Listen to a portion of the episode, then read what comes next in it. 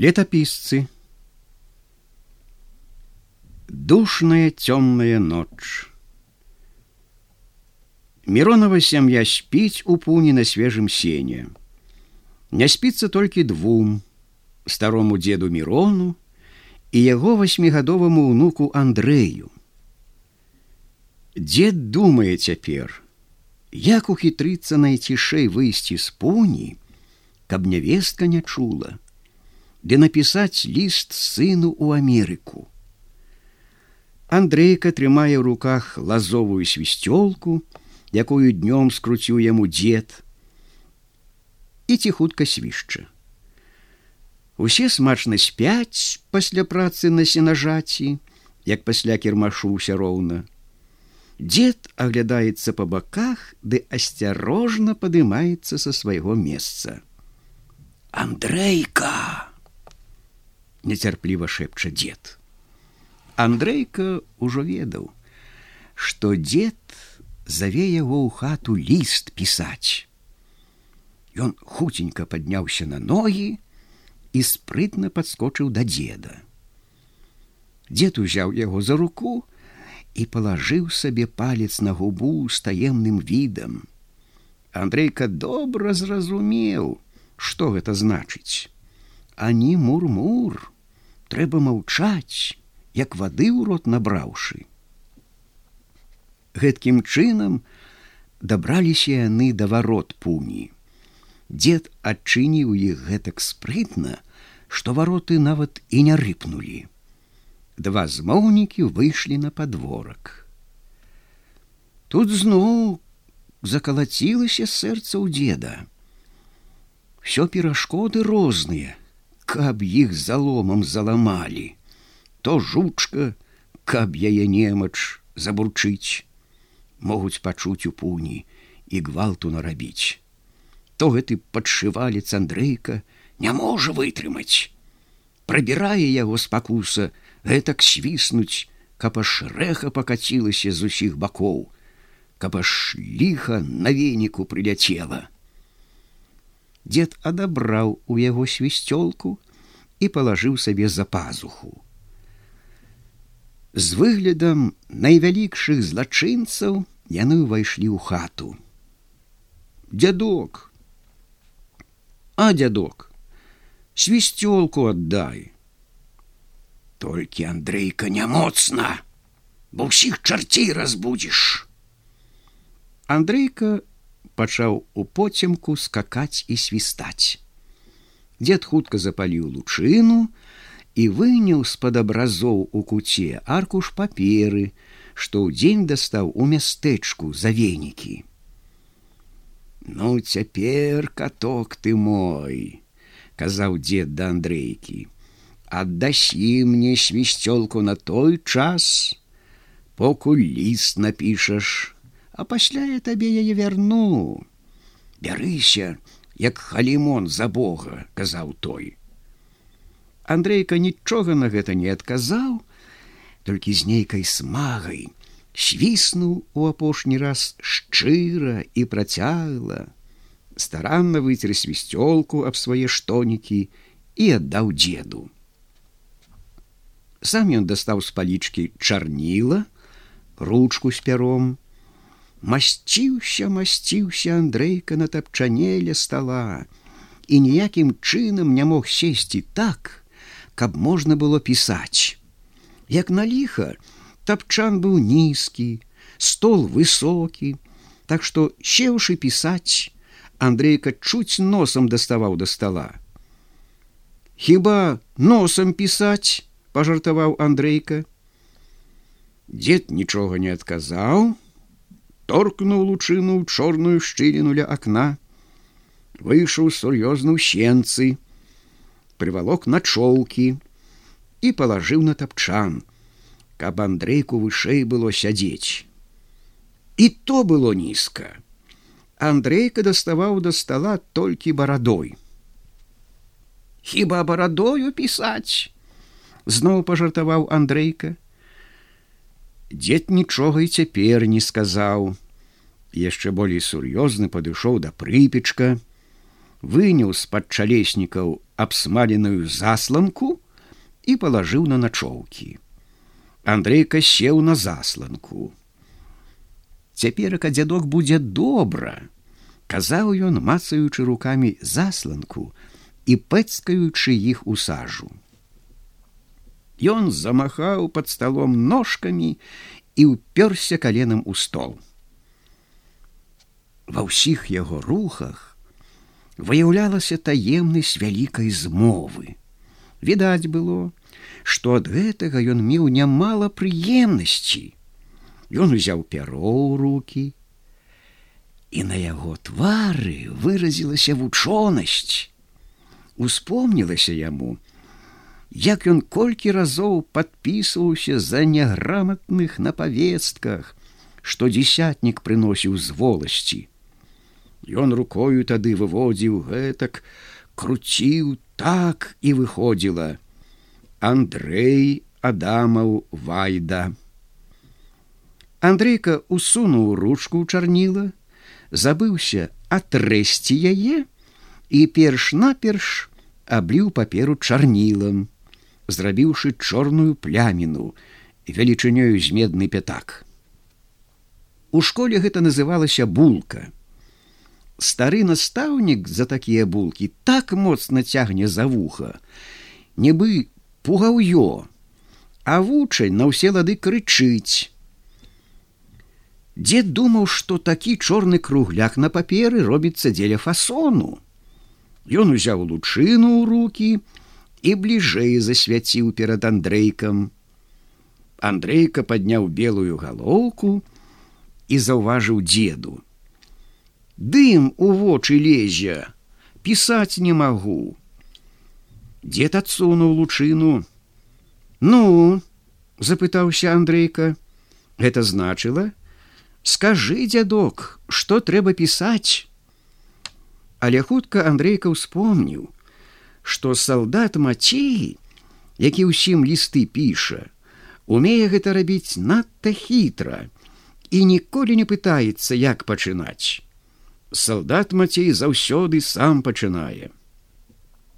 За дубовым столом пішу залатым пяром міласціваму государу з нізкім паклонам, жалая успеху у дзелах ваших. Андрейка выпучыў вочы, высунуў язык, засоп носам і пачаў старанна выводзіць літары. Ён іх маляваць хацеў на дзіва, але яны выходзілі ў яго вельмі незграбныя. Рука, умазаная ў сажу, пакідала сляды на паперы, сцяжынкі і ручаінкі. Рухалася пяро па паперы, як цяжкі воз па старой грэблі. І вось ён скончыў пачатак пісьма вельмі задаволены. Гэта будзе прыемная неспадзеўка для деда нос! Нос закрычаў дед так устрывожаны як бы хата загарэлася. Эх ты сапсуеш паперу андрейка ледзь выратаваў ад бяды новы аркуш паперы прачытай что там накрэмзаў пісар ты мой не выцерпеў дед паглядзім з якога ты поля ягадка, з якога гнязда птушка. Андрейка пачаў чытаць па складах. За ду бовым сталом пішу залатым пяром і гэтак далей. Деду гэта паказалася лепей, чым добра. Ён сам быў ахвотнік да мудрых гутарак. Ён любіў часам задаць, усыпаць, адгабляваць такое ядранае слоўца, ажно сусед вочы казеліў, як бы хрэну налыпаўся. Деда лічылі за вялікага разумніка па ўсёй ваколіцы. Андрейка быў вельмі ўзрадаваны, што деду спадабалася. І ён попрасіў у деда свісцёлку. Не не дам цяпер не лезь смалой. Дай, не не дам, хоць разок свісну. яны абодва глянулі адзін аднаму ў вочы дай сказаў не дам значыць не дам пісаць не буду. Дзед занепакоіўся адзін раз кажаш ой глядзі каб гэты раз не папсаваў увесь сказ даль бог разок толькі. Андрейка заёрзаў на месцы і зрабіў шчырыя вочы. Дзед даў свісцёлку. Хлопец упіўся ў яе прагнымі губамі. Свіснуў раз. Не вытрымаў. Свіснуў яшчэ раз забрахала жучка на двары дзед устрывожыўся андрейка вярнуў деду свісцёлку ах ты верабей прабраў яго дзед я ж казаў што цяпер няможна яшчэ паспееш з козамі на торг Дзед схаваў свісцёлку, паправіў лучынку, прыгатаваў другую і задумаўся. Андрейка тым часам утаропіўся вачыма ў цені на закураных сценах. Дзед зрабіўся вялікім і ледзь не паўхаты зацямніў. А ў яго Андрейкі цень галавы на сцяне быў сцэбар. Гэта яго вельмі цешыла, І вось ён пачаў адной рукой рабіць казюлькі. Цень на сцяне ад яго рукі нагадваў казліную галаву. Каза, каза, каза, каза, дай малака мэ! замэкаў па казлінаму Андрейка, дзед усхапіўся сваіх думак.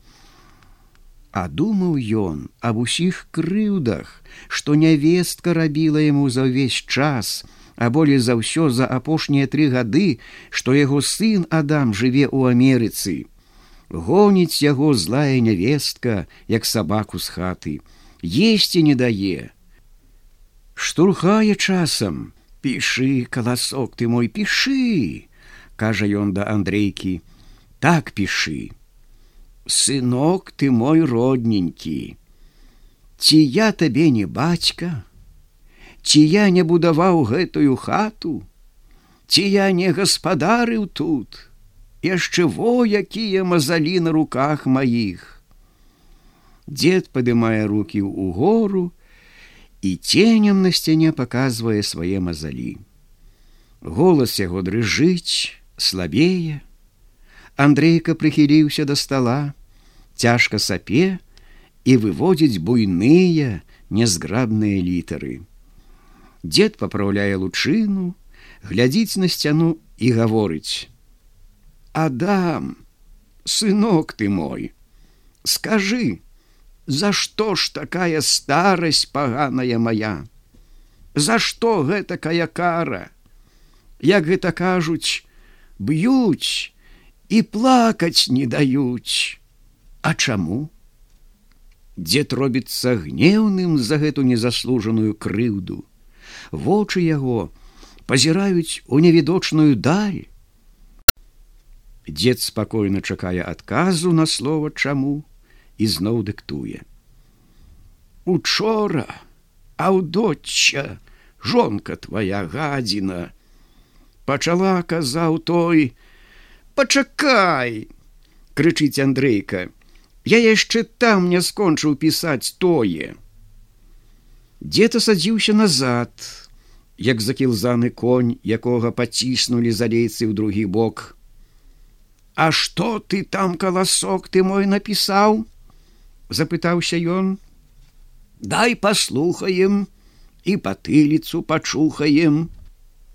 Ці я табе не бацька, чытае павольна Андрейка.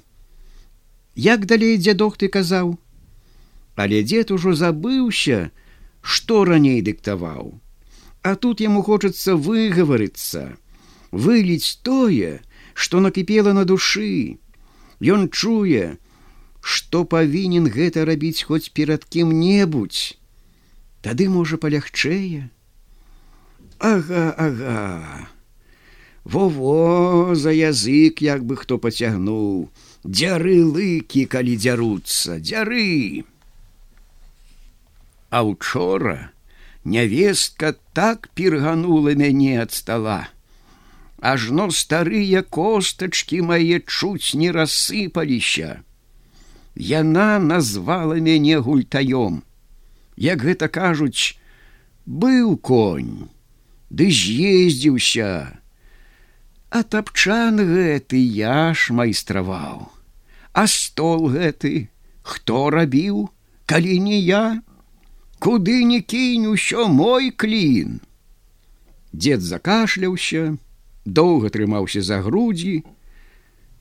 Што ж мне рабіць? Хіба торбу надзець і пайсці жабраваць? Не па юрку шапка казаў той, Ды торбы не маю. Ой, жыццё ты маё горкае, бы палын, А вось не хочучы, наўмысне жыву. Ты на гару, а чорт за нагу, Чаму ты божух на смерць збавительку мне не шлеш? Такое жыццё мне, як цяжкія жорны на спіне, Калі топішча, той за брытву хопішча казаў той. Дед зноў закашляўся. Якую долю чалавек хоча, а? Гэта ж баламуцтва, прасіць на сваю галаву пагібель. А я вось прашу, шчыра прашу. З яго мутных вачэй пацяклі слёзы. Деду, адчуўшы слёзы на сваім высахшым твары, зрабілася вельмі шкада самога сябе. Ён заплакаў ціха, глухім голасам, сарамліва, нібы нешта украў у сябе самога і мямліў бяззубым ротам, як бы хлёбнуўшы гарачай вады. Гэтак прайшло колькі хвілін. Деду палягчэла, як бы тое цвёрдае і калючае, што стаяла ражном у горле прайшло ўнутро. Ён закурыў люльку, паправіў лучыну і прысеў на тапчан. Андрейка збіўся з панталыку, спаць яму хацелася, і не мог ён парадкам у дзеда дабіцца, што пісаць. Дык кажы, дзядок, што пісаць? Пішы каток, пішы, строга сказаў дзед. Кажуць людзі, у людзей пытай і свой розум май.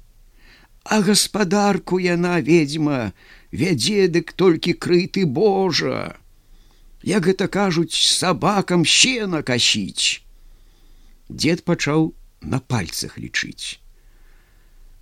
Буланка здохла, кароўка, чуць ногі валочыць, сена пагніло. Калі я ёй што кажу, дык яна толькі адгіркаваецца.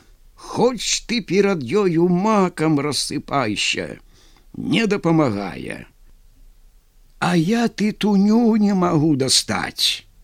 А ці ўбачымся мы ўжо з табою. Далей вочы, лягчэй сэрцу казаў той. Я ўсё слабею, сынок ты мой. Зямля матуля да сябе цягне.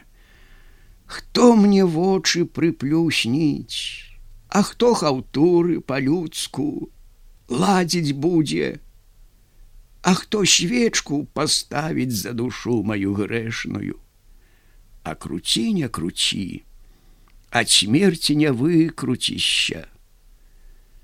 Дед змоўк, трос лысай галавой, матылёк кружыўся над палаючай лучынай, Андрейка залюбаваўся на яго, палажыў ручку і давай лавіць матылька.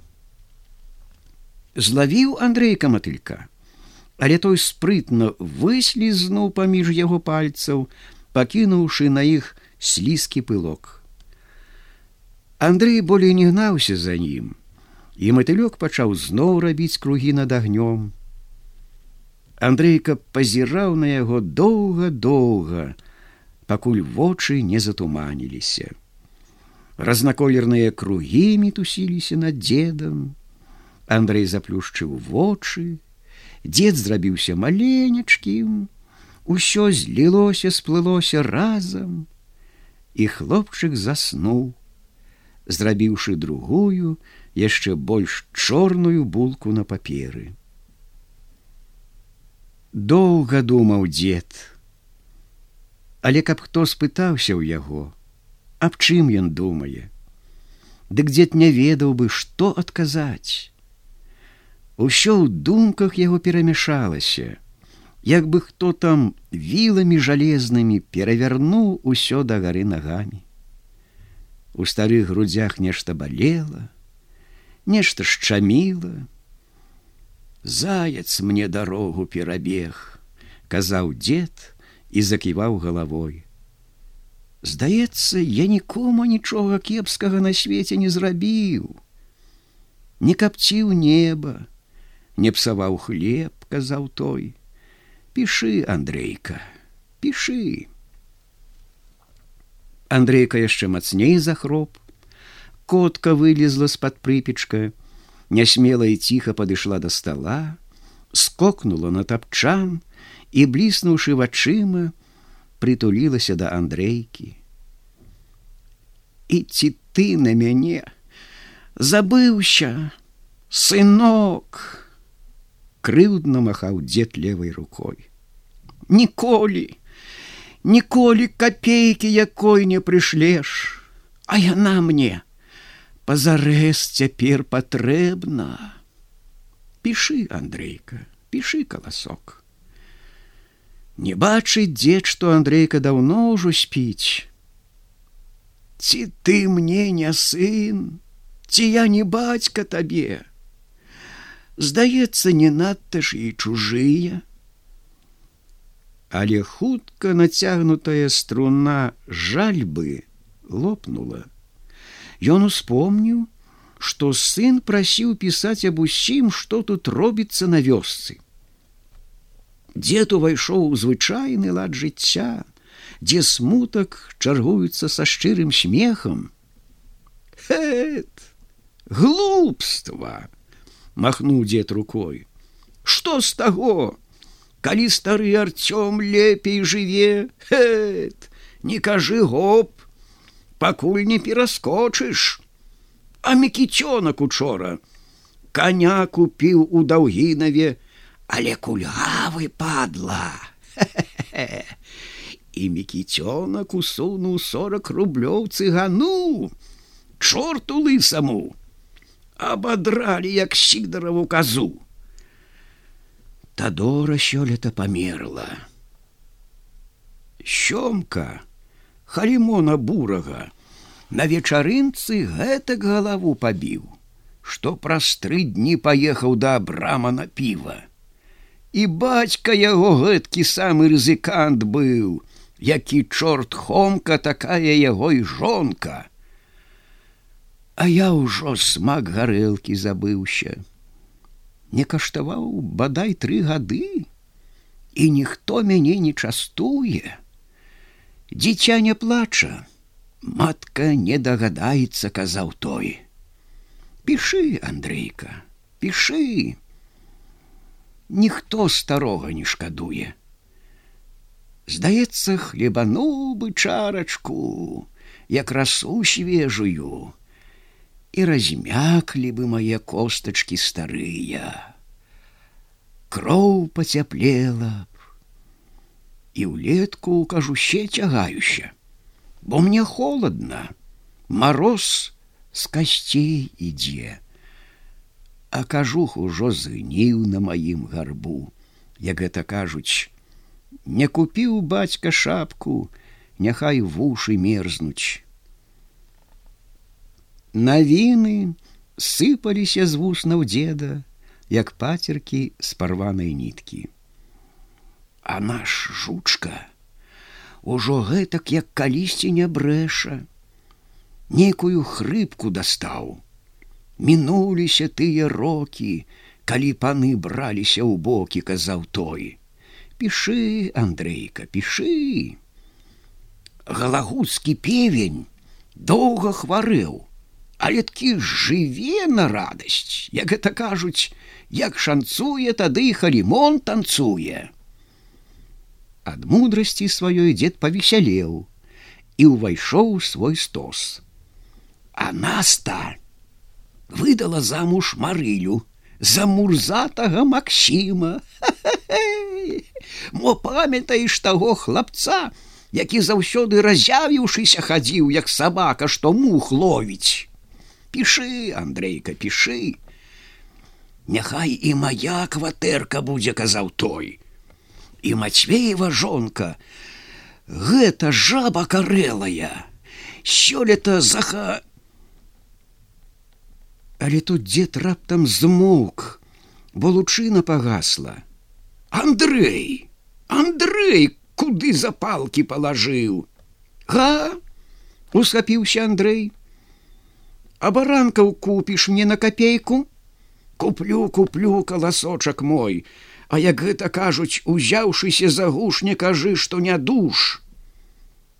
Андрейка зноў заснуў яму снілася што дзед прынёс яму абаранкі з карчмы. Ён андрейка іх начапіў на вяровачку і пабег па вёсцы пабрыкваючы з песняй гоп гоп і гага. На буланцы ездзіць янка паўтараста рублёў санкі 50 рублёў дуга а кабыла паўрубля. Гоп гоп і гага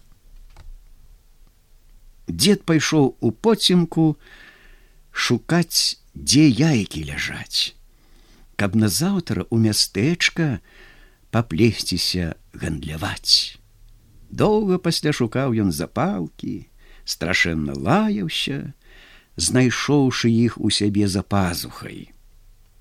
Ён разбудзіў Андрейку, і яны пайшлі спаць на сена. Пры гэтым дзед мармытаў: « Што ж, вышэй пят не падскочыш. Заўтра дапішам пісьмо. Вільня 1914 год.